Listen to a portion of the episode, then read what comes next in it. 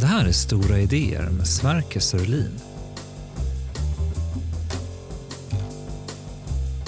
Ja, välkommen till min podd som idag är en frågelåda. Nummer två i ordningen. Och tack ska ni ha för alla tankeväckande frågor som ni har skickat in. Fortsätt gärna med det. Skriv till podd.arenagruppen.se podd.arenagruppen.se Jag läser alla mejl och jag svarar på så många frågor jag kan.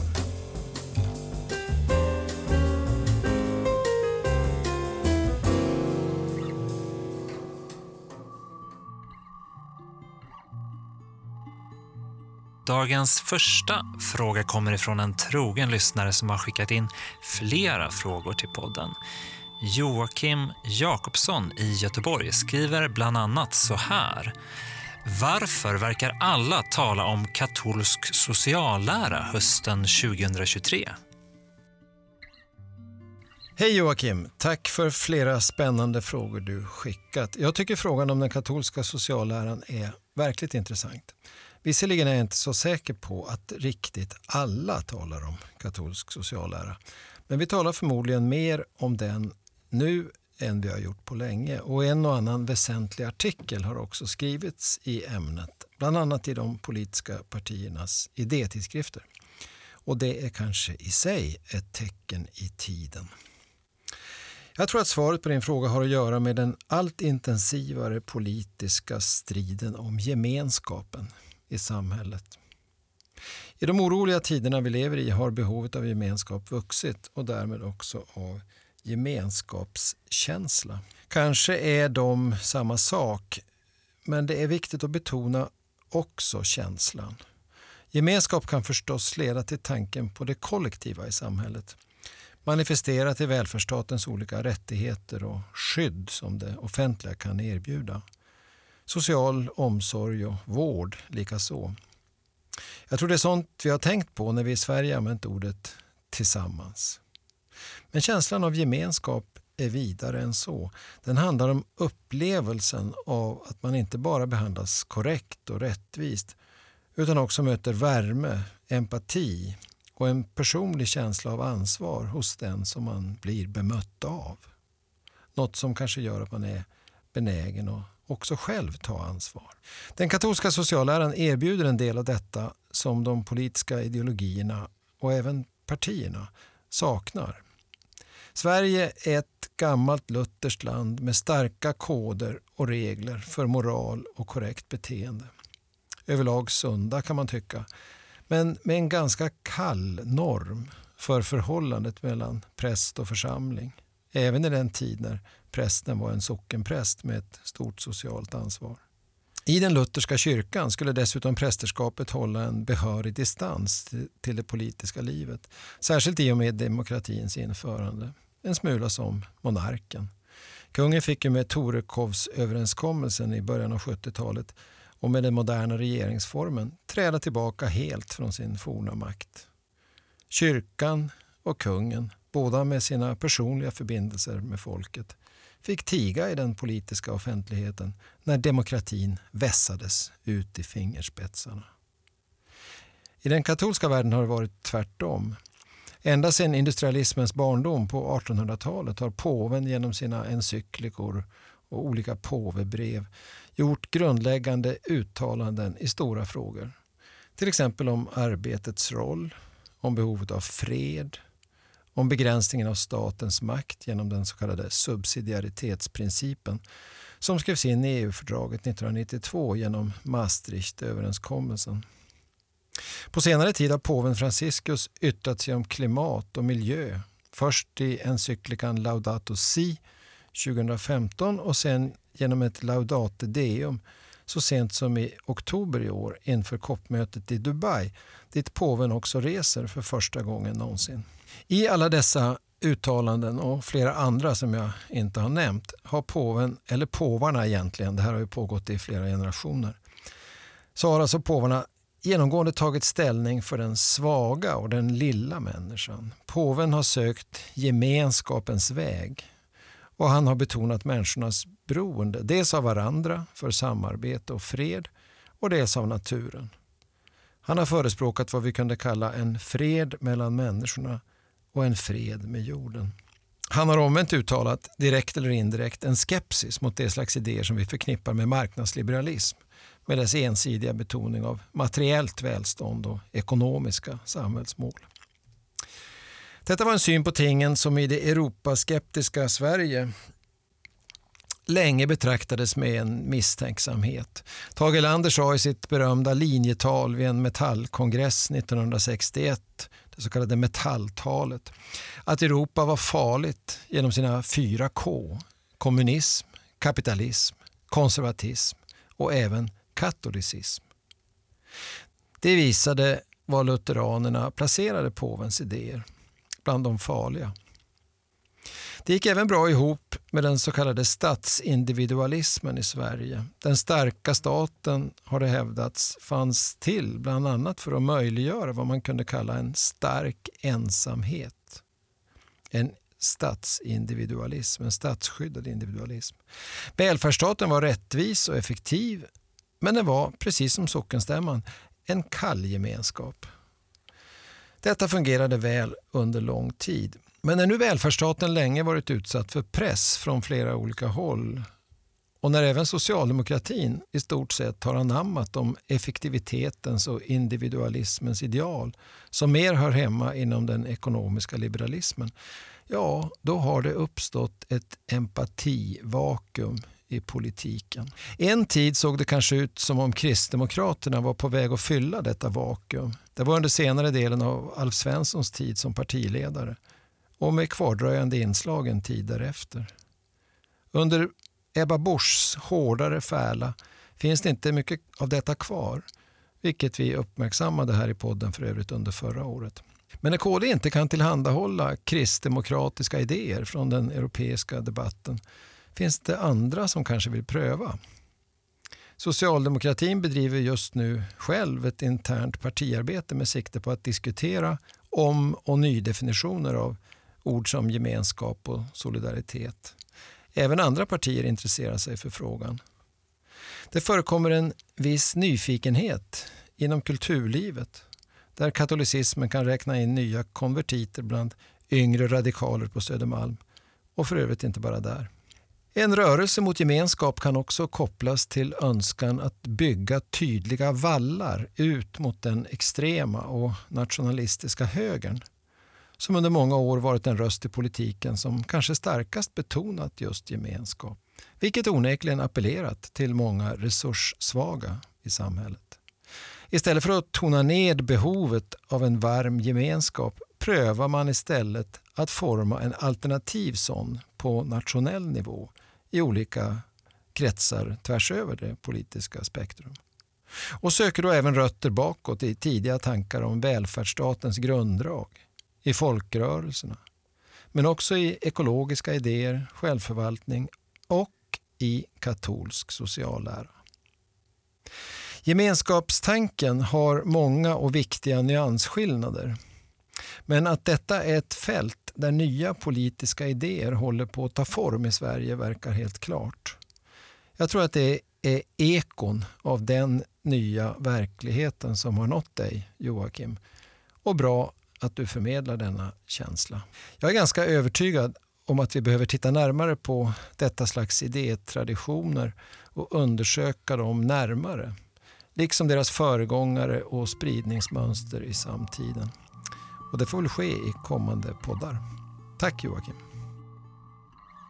Jag funderar ofta på det orimliga i att vi överkonsumerar.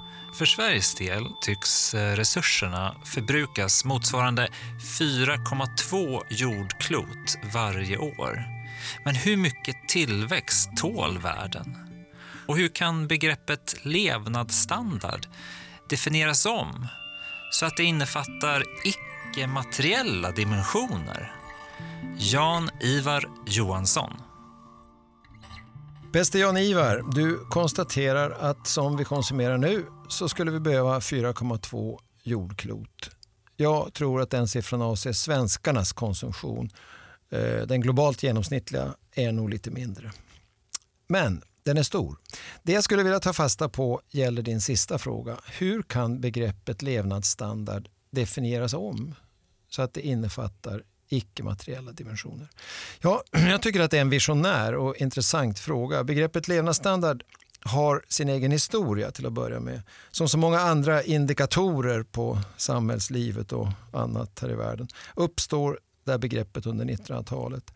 Det har att göra med upptäckten av tillväxten, den ekonomiska tillväxten under efterkrigstiden eh, och kopplar också till fördelnings och rättvisefrågor.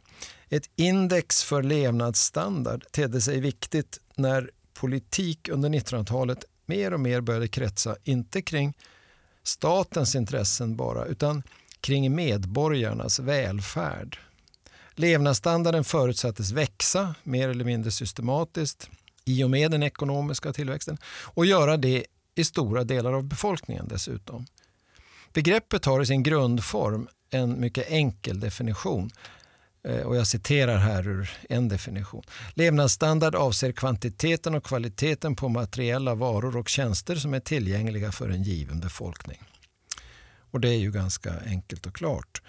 Man brukar vanligtvis göra den här definitionen ännu enklare genom att säga att levnadsstandarden är ungefär lika med den genomsnittliga bruttonationalprodukten per capita, alltså BNP per capita. Kritiken mot denna förenkling och att den bortser från stora ekonomiska skillnader som förekommer i många länder har lett till att man har fått många alternativa begrepp. Ett sånt är till exempel Human Development Index, HDI. Där tillför man utbildningsnivå, förväntad livslängd, digitaliseringsnivå, folkhälsa och andra indikatorer på vad som uppfattas vara eftersträvansvärda dimensioner i livet. Men vanligtvis utelämnas ändå miljö, natur och klimat till exempel.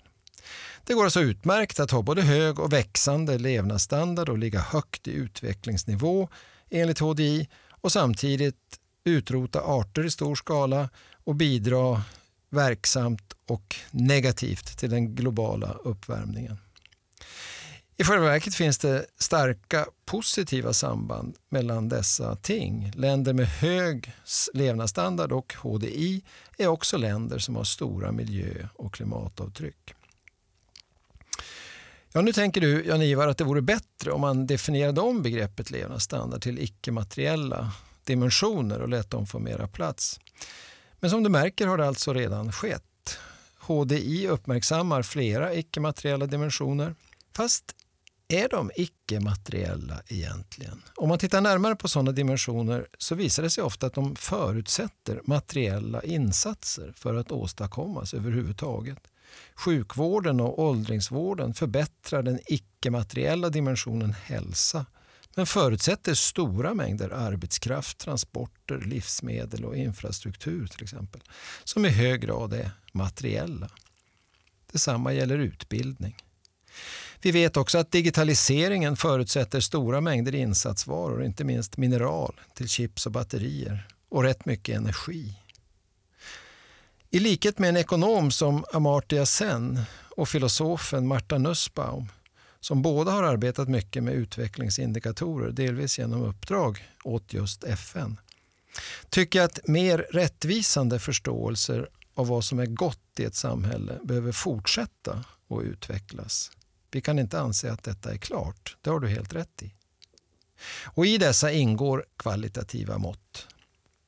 Vi bör exempelvis sätta stort värde på demokratins tillstånd i ett land.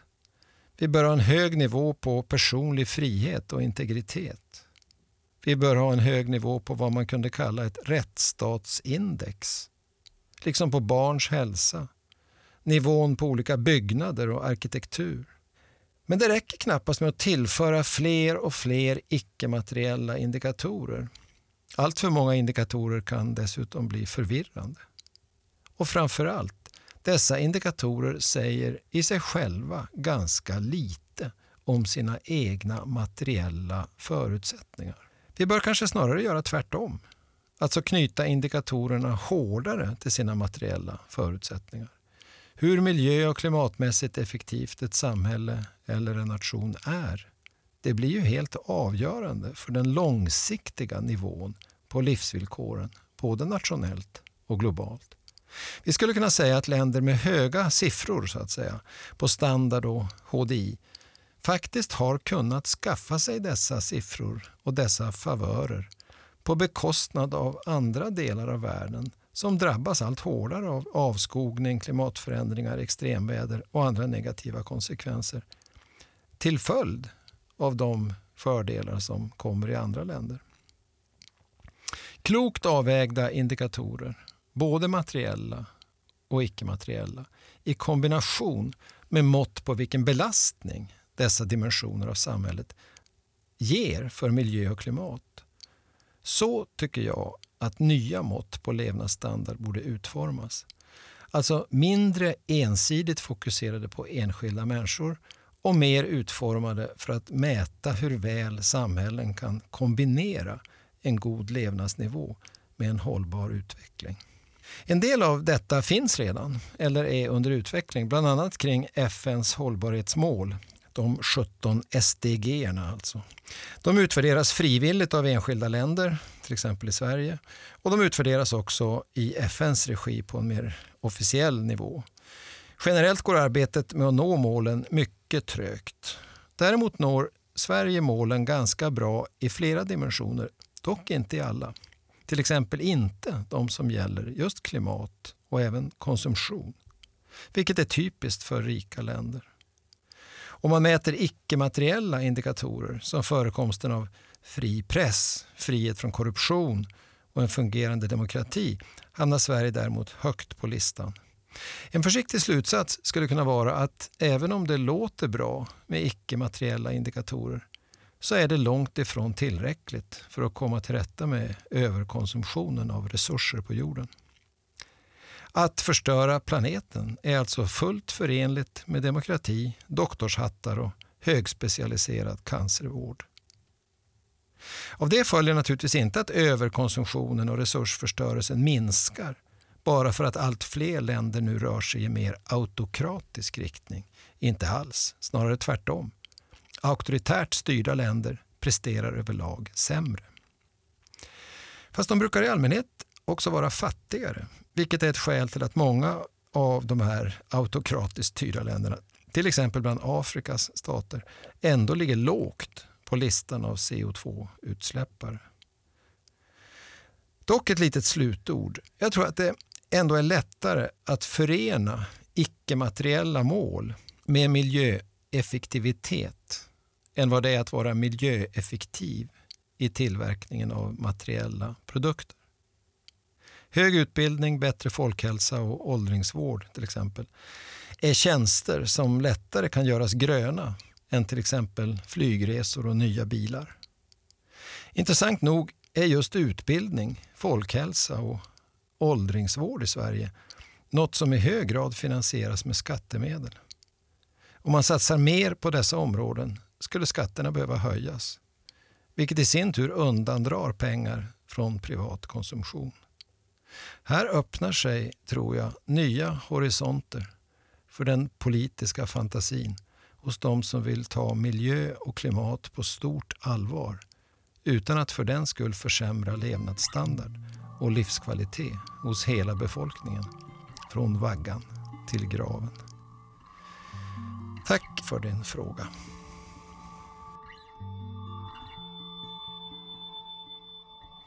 Hej! Tack för ett bra program. Jag är intresserad av gränsen mellan politik och korruption med utgångspunkt i den svenska regeringens klimat och hållbarhetspolitik. Att föra en populistisk politik mot bättre vetande och i strid med forskning och i strid mot givna politiska utgångspunkter, till exempel första kapitlet, andra paragrafen i regeringsformen och klimatlagen, sannolikt i syfte att hålla sig kvar vid makten, det liknar vad som brukar benämnas korruption. Och i det här mejlet finns här en länk till Transparency International. Mejlskrivaren fortsätter. Att regeringen själva torgför en annan bild för tankarna till eh, de strategier som USAs förre president blev känd för Och här finns ytterligare en länk, den här gången till ett regeringsutspel med rubriken Näringslivet har blivit den nya miljörörelsen. Brevet avslutas. Min fråga är alltså, är Sveriges regering korrupt då den för egen vinning och i strid mot vedertagen kunskap för en politik som skadar samhället nu och för överskådlig framtid? Bästa hälsningar Axel Hilling. Hej Axel och tack för din fråga. Det är ju kostligt onekligen att tänka att regeringens agerande i klimatfrågan skulle kunna rubriceras korruption. Jag förmodar att frågan får lämnas till jurister. Avgörandet kommer förmodligen att bli beroende av om man tillämpar ett vidsträckt eller ett begränsat korruptionsbegrepp. Du hänvisade till ditt mejl till Transparency International och där arbetar man med en bredare definition. Men jag skulle tro att juristerna kommer fram till att det inte fungerar i Sverige. Men kanske någon ändå borde pröva. Det är väl bara att lämna in en polisanmälan. Med regeringen och andra politiska församlingar är det annorlunda. Inom mandatperioderna som ju pågår i fyra år finns egentligen finns egentligen inga skarpa situationer där ett besynnerligt agerande behöver medföra några sanktioner. Ytterst är denna sak en angelägenhet för statsministern. Och det förekommer förstås att regeringschefer sparkar statsråd eller ombildar sin regering som det brukar heta. Men hur statsministern agerar beror på en sammansatt bedömning där inte bara sanning och landets bästa vägs in utan även andra hänsyn finns inklusive partipolitiska och taktiska. Om de senare väger tungt för statsministern ökar risken för att även djupt egendomliga beteenden från statsråden kan tolereras. Din andra tanke däremot om att regeringen agerar på ett sätt som för tankarna till Trumps agerande tycker jag har en del som talar för sig och som möjligen kan ses som ett växande inslag i samtida politik mer generellt. Att med straight face påstå verklighetsfrämmande ting och utan skam eller ånger vandra vidare från sin presskonferens och fortsätta verksamheten som om inget hade hänt. Det har liksom blivit vanligare. I USA har vi vant oss vid att detta är helt normalt. Själv har jag länge satt detta i samband med den låga kunskapsnivån i stora delar av den amerikanska befolkningen, givetvis i kombination med de sociala mediernas växande lögnsfärer där människor befinner sig. Men möjligen är det här till slut en alldeles för enkel förklaring. Om beteendet sprider sig, eller rättare sagt om det förekommer i fler länder med en jämnare och högre kunskapsnivå och en lite annan mediesituation än den som finns i USA, så bör förklaringen onekligen sökas någon annanstans. Jag tänker ibland att politikens område skiljer sig från de flesta andra områden av samhällslivet genom den diffusa och indirekta formen av ansvarsutkrävande som kännetecknar just politikområdet. Om en chef i ett företag ljuger och beter sig underligt betraktas det nog i regel som en belastning för företaget och en högre chef eller en styrelse griper genast in och ser till att chefen skiljs från sitt uppdrag. Samma sak inträffar i den offentliga sektorn. I dessa fall kan även regeringen fattar besluten, alltså för den offentliga sektorn. Om exempelvis en generaldirektör skulle påstå orimligheter gång efter annan och dessutom agera i enlighet med orimligheterna och inte i linje med kända sakförhållanden, ja, då måste en regering agera gentemot generaldirektören. Statstjänstemän har ju ingen diplomatisk immunitet. Just nu har Sverige dessutom en speciell och unik situation med Tidöavtalet och ett parti utanför regeringen som förhandlar med regeringen om de flesta större frågor. Allt som sägs i dessa förhandlingar redovisas inte öppet. Och just i klimatfrågan vet vi också att det externa partiet har en extrem inställning med stora inslag av klimatförnekelse och att man med öppna ögon förespråkar en politik som helt negligerar gjorda åtaganden enligt den svenska klimatlagen. Allt detta är förstås känt av regeringen och statsministern som emellertid inte kan redogöra för detta eftersom det i praktiken skulle vara att berätta om ett hyckleri. Och det avstår man förstås ifrån som statsminister så långt man kan. I alla fall än så länge i den svenska politiska kulturen. Istället landar frågan hos miljö och klimatministern som utför sina egendomliga ritualer så att säga på delegation från statsministern och därför inte heller behöver riskera att sparkas av denne.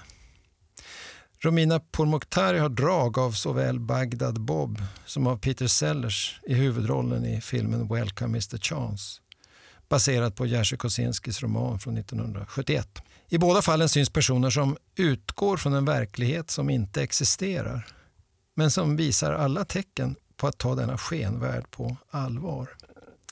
Det är särskilt deras straight face som framkallar den hisnande och humoristiska effekten.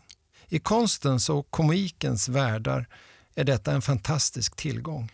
Men i den politiska offentligheten råder ett annat kontrakt. Liksom i journalistikens, myndighetsutövningens och vetenskapens, för att nämna några. Fast när det gäller politiken borde vi kanske säga att det har rått ett sådant verklighetskontrakt. Men kanske inte längre. Vi har här i podden förut diskuterat den så kallade Listhaugs liste. Alltså det norska statsrådet Sylvi Listhaugs list. Denna list eller strategi bestod i att Listhaug sade något mycket drastiskt, ofta felaktigt och gärna djupt kritiskt och kränkande mot någon. Det vill säga just de inslag i ett uttalande som drar till sig uppmärksamhet. Detta ger Listhaug en chans att få, först få kritik och därmed kunna återkomma och delvis ta tillbaka sitt uttalande och därmed få ännu mer uppmärksamhet och dessutom medlidande eftersom hon kan beskriva sig som missförstådd och någon man behöver tycka synd om. Pourmokhtari har tagit Listhaugs strategi till en ny nivå, skulle man kunna säga. Hon backar inte alls. Hon fortsätter att insistera på förhållanden och påståenden som saknar förankring i verkligheten. Hon gör det också med en flammande brandtalsretorik som dessutom är så invecklad att det som kommer över hennes läppar ibland inte innebär något påstående alls. Det är mest en osammanhängande anhopning av ord som ytligt betraktat förefaller ha med saken att göra. Genom sina tirader håller hon alla frågvisa på avstånd. Få journalister vågar säga “Jag förstår inte vad du menar. Kan du försöka igen?” Trots att detta vore en adekvat respons. På detta sätt signalerar hon handlingskraft och engagemang medan samtidigt ambitionsnivån i politiken successivt sänks. Gjorda utfästelser glöms eller avförs eller åtgärder skjuts på framtiden då de kanske inte ens genomförs trots att världen ropar på omedelbar förändring. Oppositionen kan intervenera i situationer som denna genom att begära en misstroendeomröstning. Men det hjälper ju bara om delar av majoriteten är tillräckligt upprörda över maktmissbruket.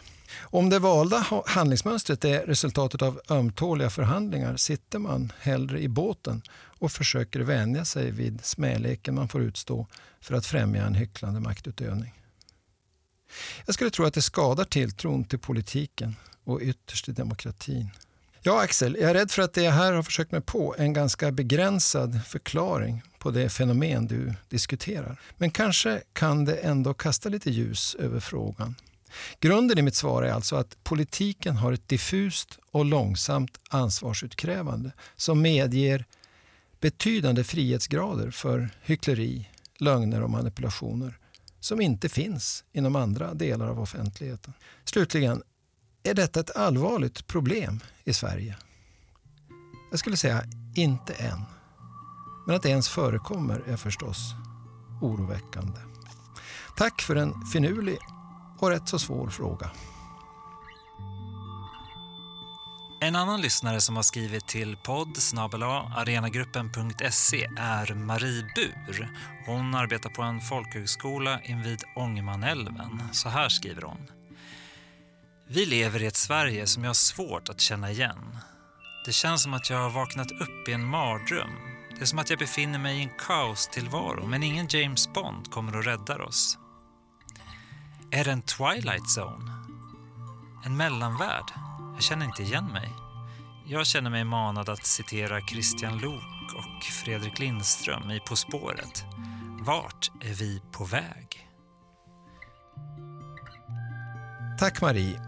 Du skriver att de, ett obestämt de, skapar ett Sverige som jag har svårt att känna igen. Det känns som jag vaknat upp i en mardröm, befinner mig i kaos. Jag tror det här typen av känslor är ganska vanliga i dagens samhällsklimat. Du undrar också vart är vi på väg? Att det offentliga samtalet har förändrats ganska snabbt och att det har blivit råare och med större avstånd mellan olika grupper. Det tror jag de flesta är överens om. Å andra sidan har denna tendens faktiskt pågått ett tag. Kanske kan 2016 anges som ett brytningsår med Brexit och med Donald Trumps valseger i USA. Men mer i skymundan har de idéer som dessa förändringar vilar på hunnit växa till sig ganska länge utan att vi helt har förstått vidden av förändringarna.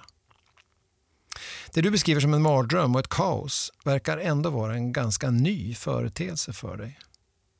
Det skulle kunna ha att göra med att dessa idéer på den radikala högersidan nu inte längre är bara idéer utan börjar ta gestalt i en konkret svensk dagspolitik. Jag tror det påverkar hur idéklimatet upplevs. När det kommer utredningar och lagförslag som tycks inkräkta på den personliga integriteten och som rent av kan ses som tendenser till ett knaprande på rättsstatens principer. Ja, då framstår idéerna förmodligen som tydligare hot. Beroende på vad man tycker om dem förstås. Att de alls kan föras fram som politiska förslag tyder ändå på att det finns ganska stora grupper som förväntas bejaka dem. Just det sista kan också verka hotande i sig själv. Även direkt auktoritära förslag som skulle ha varit otänkbara i tidigare skeden av det moderna Sveriges historia har fått en viss grad av acceptans. Det pågår som det förefaller en normalisering av förut svårtänkbara åtgärder. Ord som inte på länge har haft en position i seriös offentlig diskussion får på nytt giltighet, exempelvis vandel. Vissa partier driver snabbt på den politiska skalan. Liberalerna föreslår Sverigekurser i en retorisk stil som förut var förbehållen en mer extrem höger. Men vet vi säkert vad medborgarna tycker om dessa snabba strömkantringar i politiken? Kan det inte vara så att medborgarna söker sig till partier långt ut på högerkanten av andra skäl? Längtan efter trygghet, varma känslor för fosterlandet, en stark tro på traditionella familjevärderingar och könsroller. Då skulle det som framkallar dina mardrömmar och känslan av kaos hänga samman med ett idéklimat som först och främst regisseras av partiernas elitgrupper. De som har som sin uppgift att manövrera praktiskt och strategiskt för att gynna sina partier. Det skulle kanske något dämpa din oro om det förhöll sig på det viset. För det talar dessutom att de stora motkrafterna har medvind. Både den rödgröna vänstermitten som helhet och socialdemokratin som separat enhet går just nu bra i opinionen. S till exempel mycket bra just nu. Partierna till höger går tillbaka, ganska kraftigt dessutom. Det skulle kunna tolkas som att många människor över strängt taget hela det politiska spektrum i själva verket just nu, sent år 2023, är beredda att överge partier som gör just det som bekymrar dig. Svårt att säga. Det kan vara precis tvärtom också.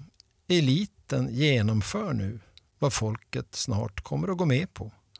Och därmed kan regeringens ledande ideologer pressa fronten ytterligare framåt. Ja, det är med andra ord inte lätt att veta vart vi är på väg, tycker jag. Kanske är vi inte ens på väg. Kanske har vi redan nått till ett politiskt läge i Sverige där en del förut otänkbara tankar tänks och framförallt yttras högt och rent av ser ut att kunna genomföras i praktisk politik. Situationen är tämligen ny och riktigt hur den kommer att bemötas av de stora delar av befolkningen som har svårt att tänka sig denna politik förverkligad återstår att se. Tillvänjning och normalisering är väl ett scenario men kanske kan en mobilisering och en aktivering också ske.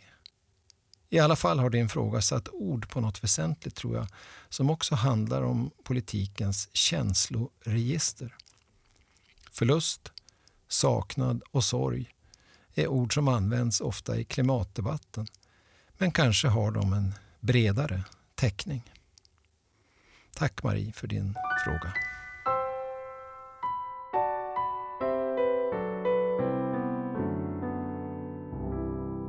Det här var årets sista avsnitt av Stora idéer med Sverker Sörlin. Jag som har producerat podden heter Rasmus Malm. Och vi kommer tillbaka 2024. Jag kan avslöja att årets första gäst blir ingen mindre än Aftonbladets kulturchef Karin Pettersson. Att bjuda in Karin det var en av många fina idéer som vi har fått ifrån er som mejlar till oss. När det gäller den stora världen och det politiska läget i Sverige då går det väl inte att säga annat än att 2023 har varit ett mörkt år. Jag blir personligen ändå hoppfull av en sak. Att läsa era mejl och era insiktsfulla kommentarer. Det är faktiskt ett ljus i mörkret. Fortsätt skriva. Adressen kommer här, podd arenagruppen.se. Den finns också i avsnittsbeskrivningen. Och poddens vägnar önskar jag er alla ett riktigt gott nytt år, trots allt.